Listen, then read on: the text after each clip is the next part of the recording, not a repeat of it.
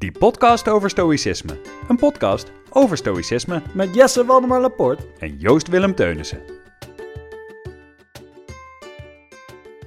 Wist je trouwens dat die podcast over stoïcisme mede mogelijk wordt gemaakt door Athematica Academie? Wij wel.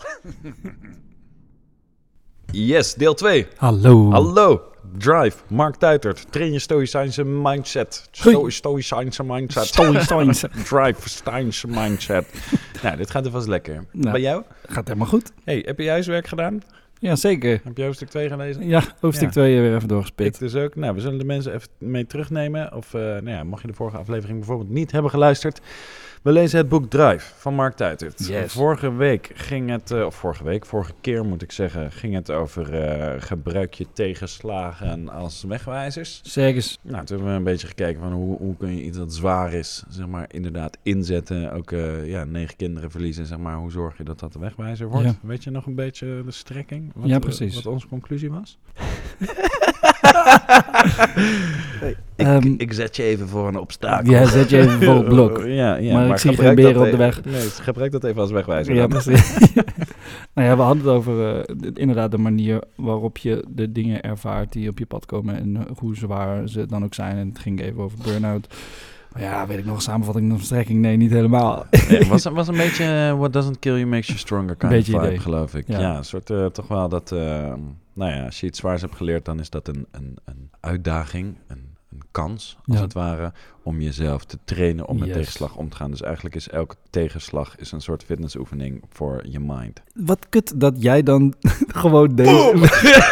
dat jij dit gewoon weet en ik lijk je nu de sukkel. En jij bent zo, oh ja, ik vat hem wel even samen hoor, geen probleem.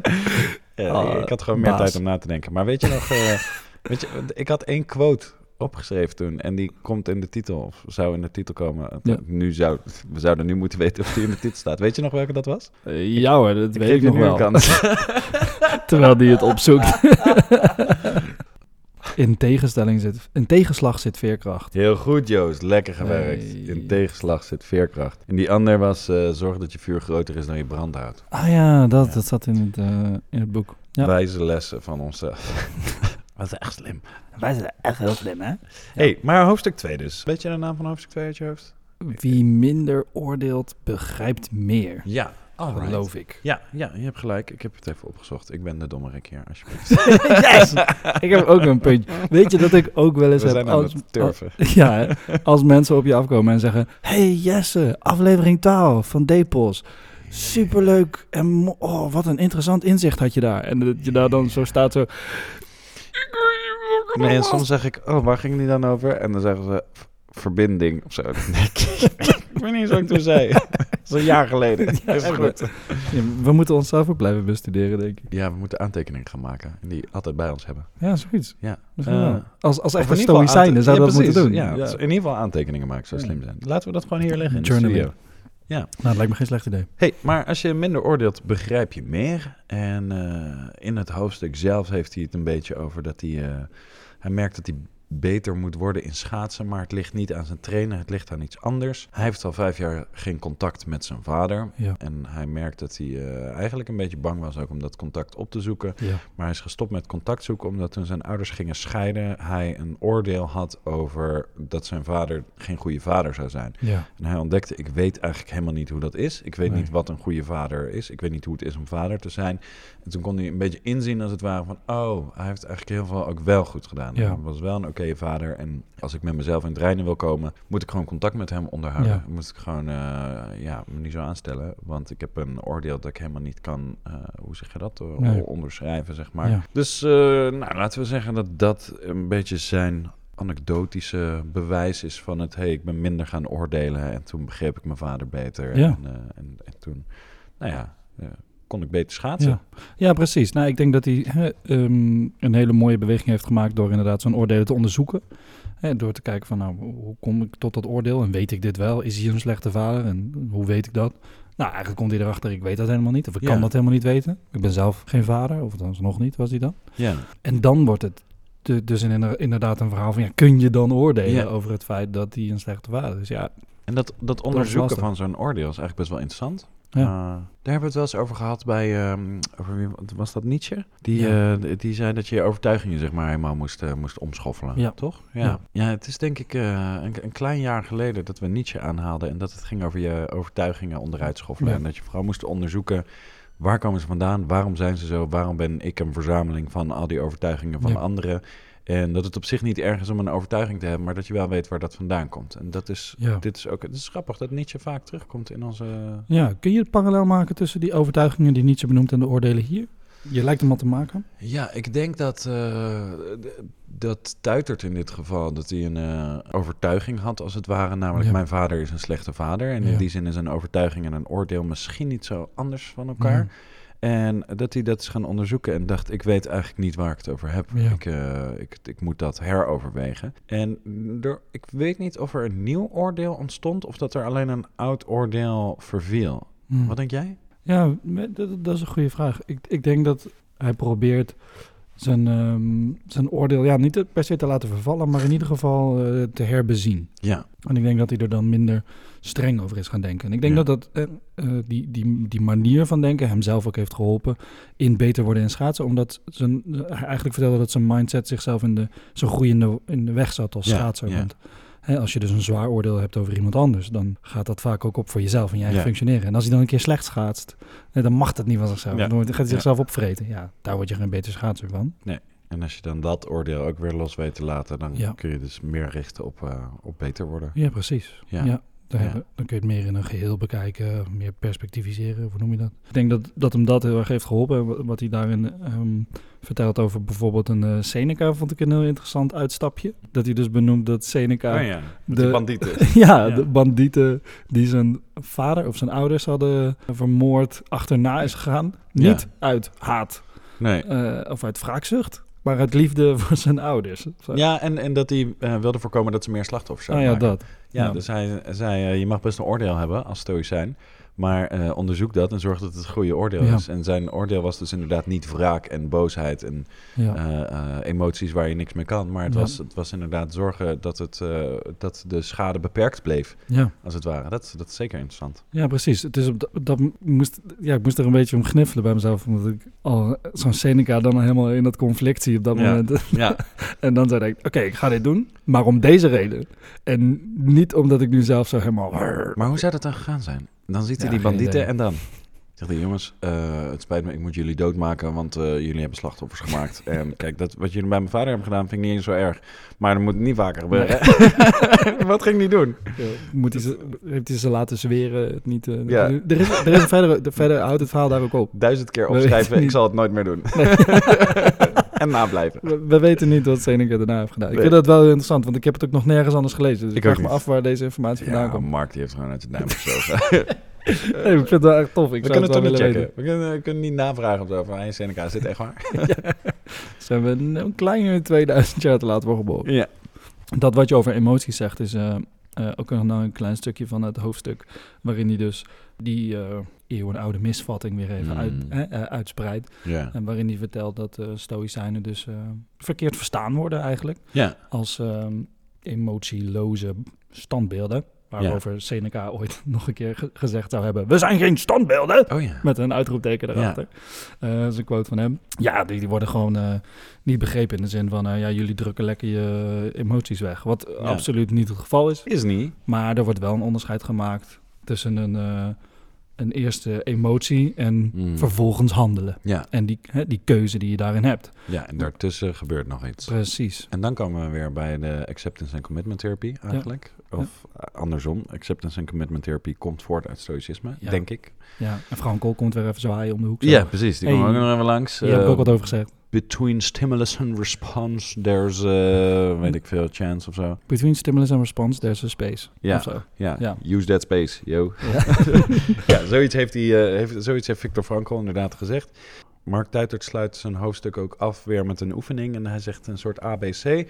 Zegt, eh, schrijf eens op waar je, waar je gefrustreerd of boos of eh, verdrietig over bent. Dat is dan C. Dat is Ja. namelijk de uitkomst. Ja. Dat is eh, de emotie. A is de gebeurtenis, waardoor dat komt. Dus Ja. je bent ontslagen of je hebt iemand verloren of weet ik veel wat.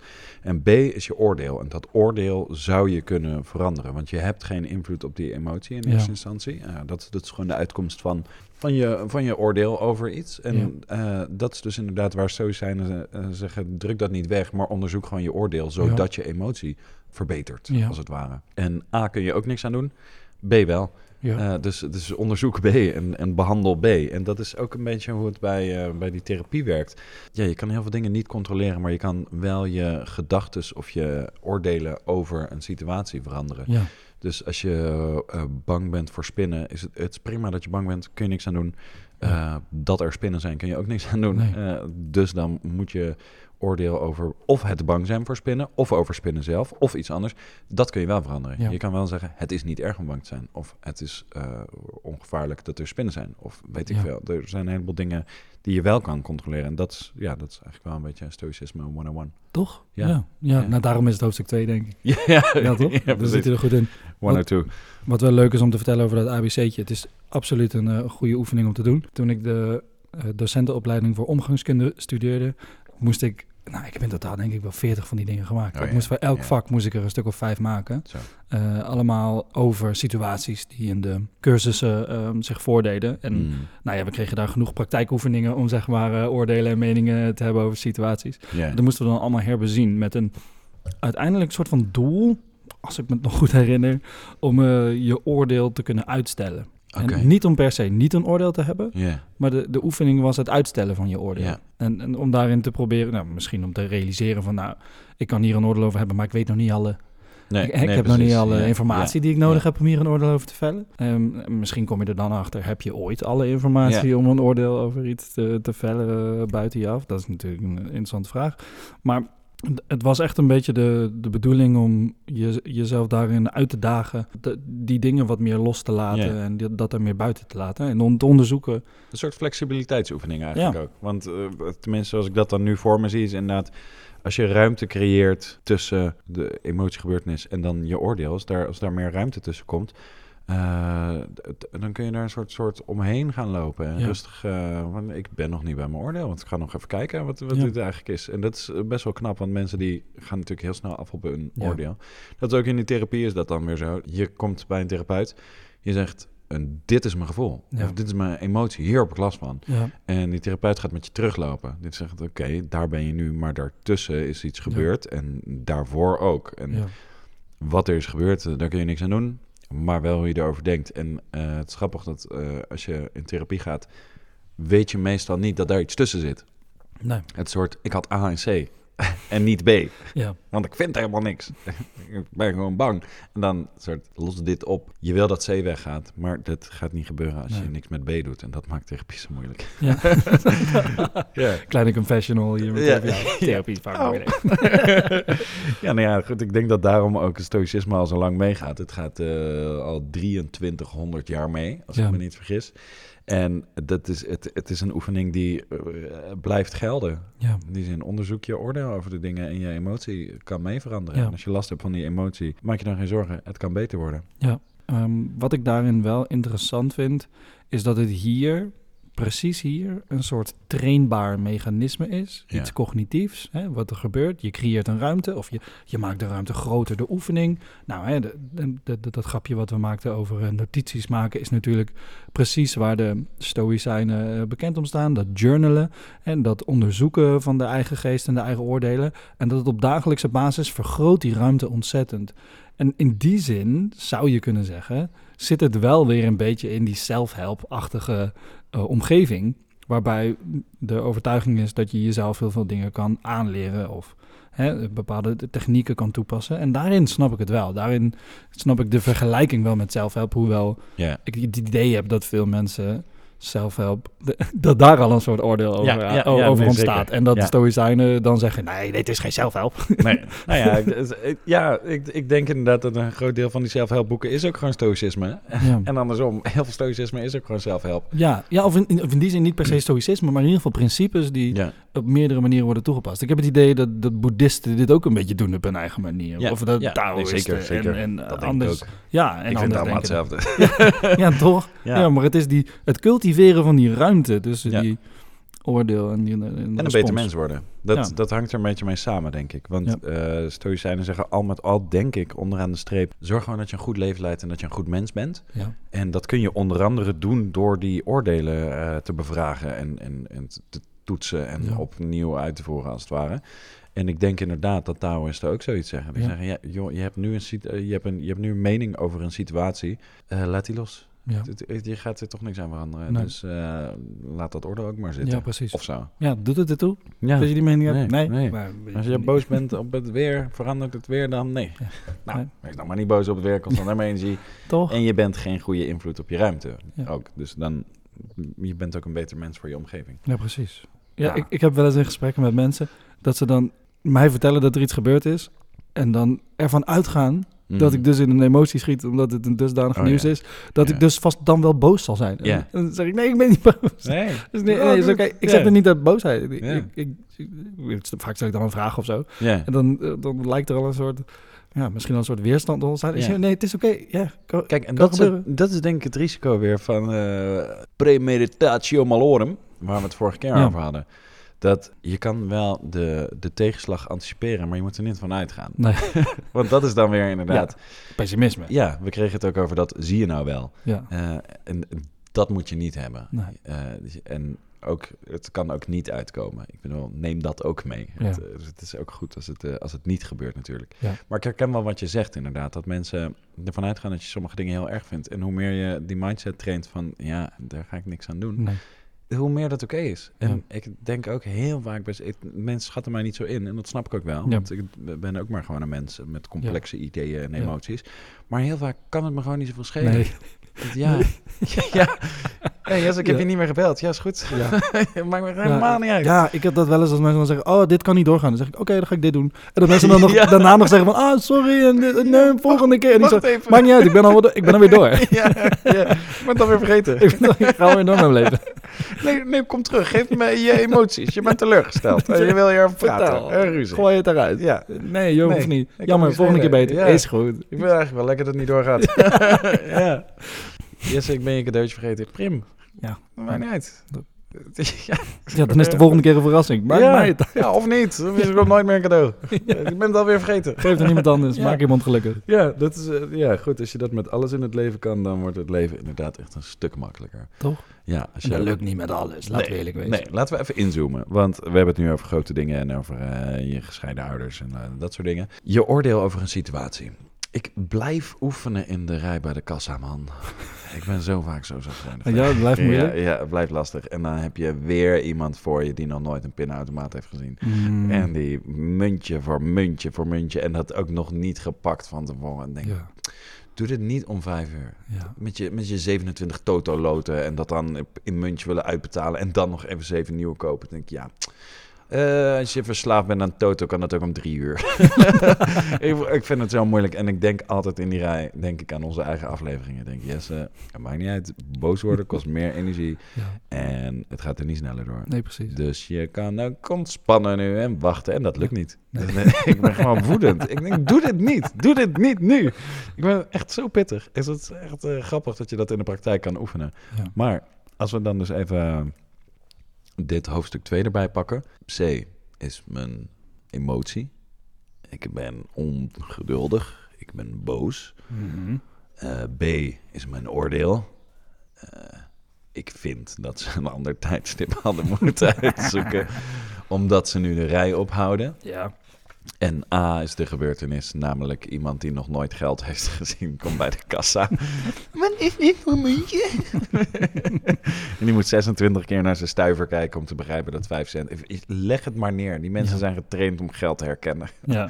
Die, die snappen dat. Goed, Dus mijn het oordeel kostte- is duidelijk. Ja, dus het kostte meer tijd dan eh, gemiddeld, of Ja. waarvan je hoopte. Ja, ja, ik hoopte gewoon dat ik aan de beurt was. En Ja. ik ben het niet. En ik moet lang wachten. En ik ben moe. En ik wil naar huis. En ik Mm, heb haast. En mm. er is van alles aan de hand. Altijd op zo'n moment. Ja, Of ik heb het koud. Weet ik veel. En dan moet ik het langer. ja. En stel nou, hè, in, de, in, deze, in dit ABC'tje, je pakt die gedachte, die, die mening of die overtuiging van dat oordeel, en je streept dat even door. Gewoon Even met je gewoon, Ja.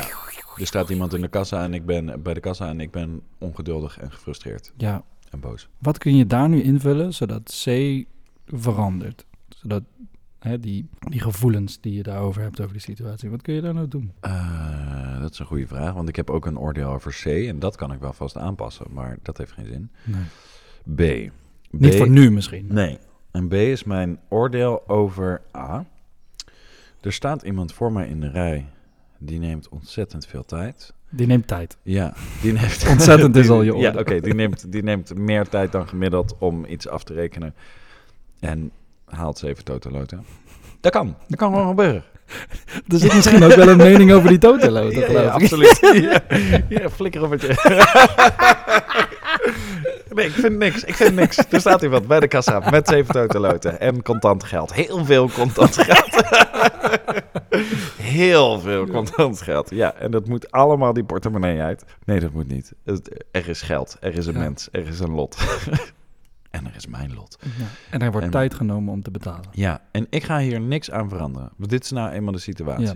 En ik ben ongeduldig en gefrustreerd. Hoe zorg ik dat ik dat niet ben? Mijn oordeel in eerste instantie... je hebt ook nog eens een oordeel over wat die mensen daar dan allemaal staan te doen. eh. De, de loten te kopen, de, te betalen met het cash. Ja. De, ja. met die munten. Ja, mijn oordeel waardoor ik zo gefrustreerd en boos ben... is dat ik vind dat ze een ander tijdstip hadden moeten kiezen... en zichzelf beter hadden voor, voor moeten bereiden... en dat je op een bepaalde leeftijd gewoon weet hoe je moet betalen. Als ik dat verander naar... hey, ik zou van dit moment gebruik kunnen maken... om vast na te denken over wat ik ga eten... of ik zou... eh, ik, heb, ik heb nu wat meer tijd opeens in de dag. Ik heb een Ja. onverwachts pauzemomentje. Ja. Ik zou eens lekker aan deze bloemen gaan ruiken. ja, weet ik bij de servicebalie. Ja, of hey, ik heb dat ene appje nog niet beantwoord. Kan ook nu. Ik moet gewoon in de gaten houden wanneer ik aan de beurt ben. Ja. Of ehm, squats. Even een paar pull-ups doen eh, in de rij. Voor de servicebalie. Ja. De. Ik zou mijn Frans cursus eh, op mijn telefoon kunnen Oh beginnen. ja. Duolingo. Ja, die, eh, je kan daar gewoon invullen van... ik kan nu even niet praten, dus dan hoef je alleen maar taaloefeningen Oh ja. te doen. Ja, heerlijk. Allemaal ruimte. Merk je dat? Ja.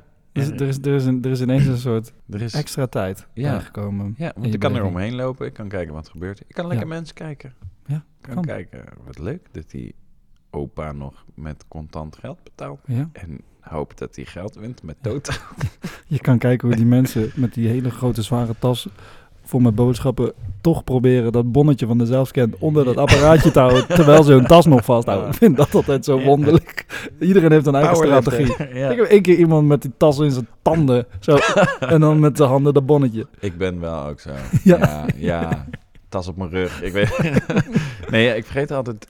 Oh ja, fuck, dan moet ik nog dat bonnetje. En dan doe ik zo in, in eh, mijn ene hand de tas boodschappen. En in de andere bijvoorbeeld Oh ja. een zak kattengrit of zo. Ah ja, ja, ja. En het is allebei zwaar. Ja. En dan, oh ja, frik, dat bonnetje. en wat ik eigenlijk zou moeten doen, denk ik, is gewoon wachten tot iemand anders ook wegloopt.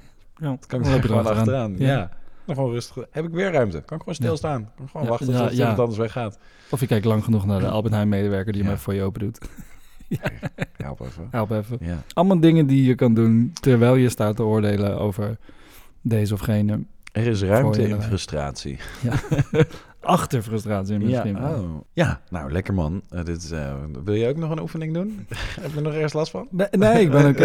ik, vind, ik vind het denk ik een hele mooie aflevering zo. Ja, dat denk ik ook. Maar ik dacht, misschien wil je nog even iets kwijt. Nee, volgende keer. Gaat het goed? Ja, dat gaat, ja, goed? gaat goed. lekker man. Ja, gaat lekker. Daar heb ik geen oordeel over. Nee. Goed zo. Nee, toch? Ik, Ja. ga, ik ga denk ik zo even Toto loten. ik ga niet mee. ik heb nog een berg cash gehad. Ik ga gewoon voortaan bij die mensen zeggen, mag ik even voor? ik heb geen zin om op jou te wachten. Zo van, ik wil wel ruimte in mijn dag, maar ik wil dat niet achter jou. Ik wil dat voor jou. Eh Jesse, train jezelf. Nee, precies. Ja, hey lieve mensen, dank jullie wel voor het luisteren. Robin Atema van de Automatica Academie, jij ook bedankt. Hey, bedankt. Luisteraars, bedankt voor jullie inzendingen, voor jullie toewijding. Ja, We doen het met veel plezier. precies. hey, luisteraar, heb jij nou ook zo'n situatie waar je een ABC'tje over kan schrijven? Laat het Markt uit het vooral even weten. en laat weten hoe het ging. Dat vind ik wel Laat leuk. ons ook even weten. Als, als dit nieuw voor je was en je gaat het nu voor het eerst proberen, wil ik wel even horen. Hoe was het? Precies. Ja, stuur, stuur even een berichtje op Instagram. Oké. Oké. Doei. Dankjewel, Jesse. Dit was weer een aflevering van die podcast over stoïcisme. Bedankt voor het luisteren. Je vindt ons in je favoriete podcast-app. Volg ons op Instagram En tot de volgende keer.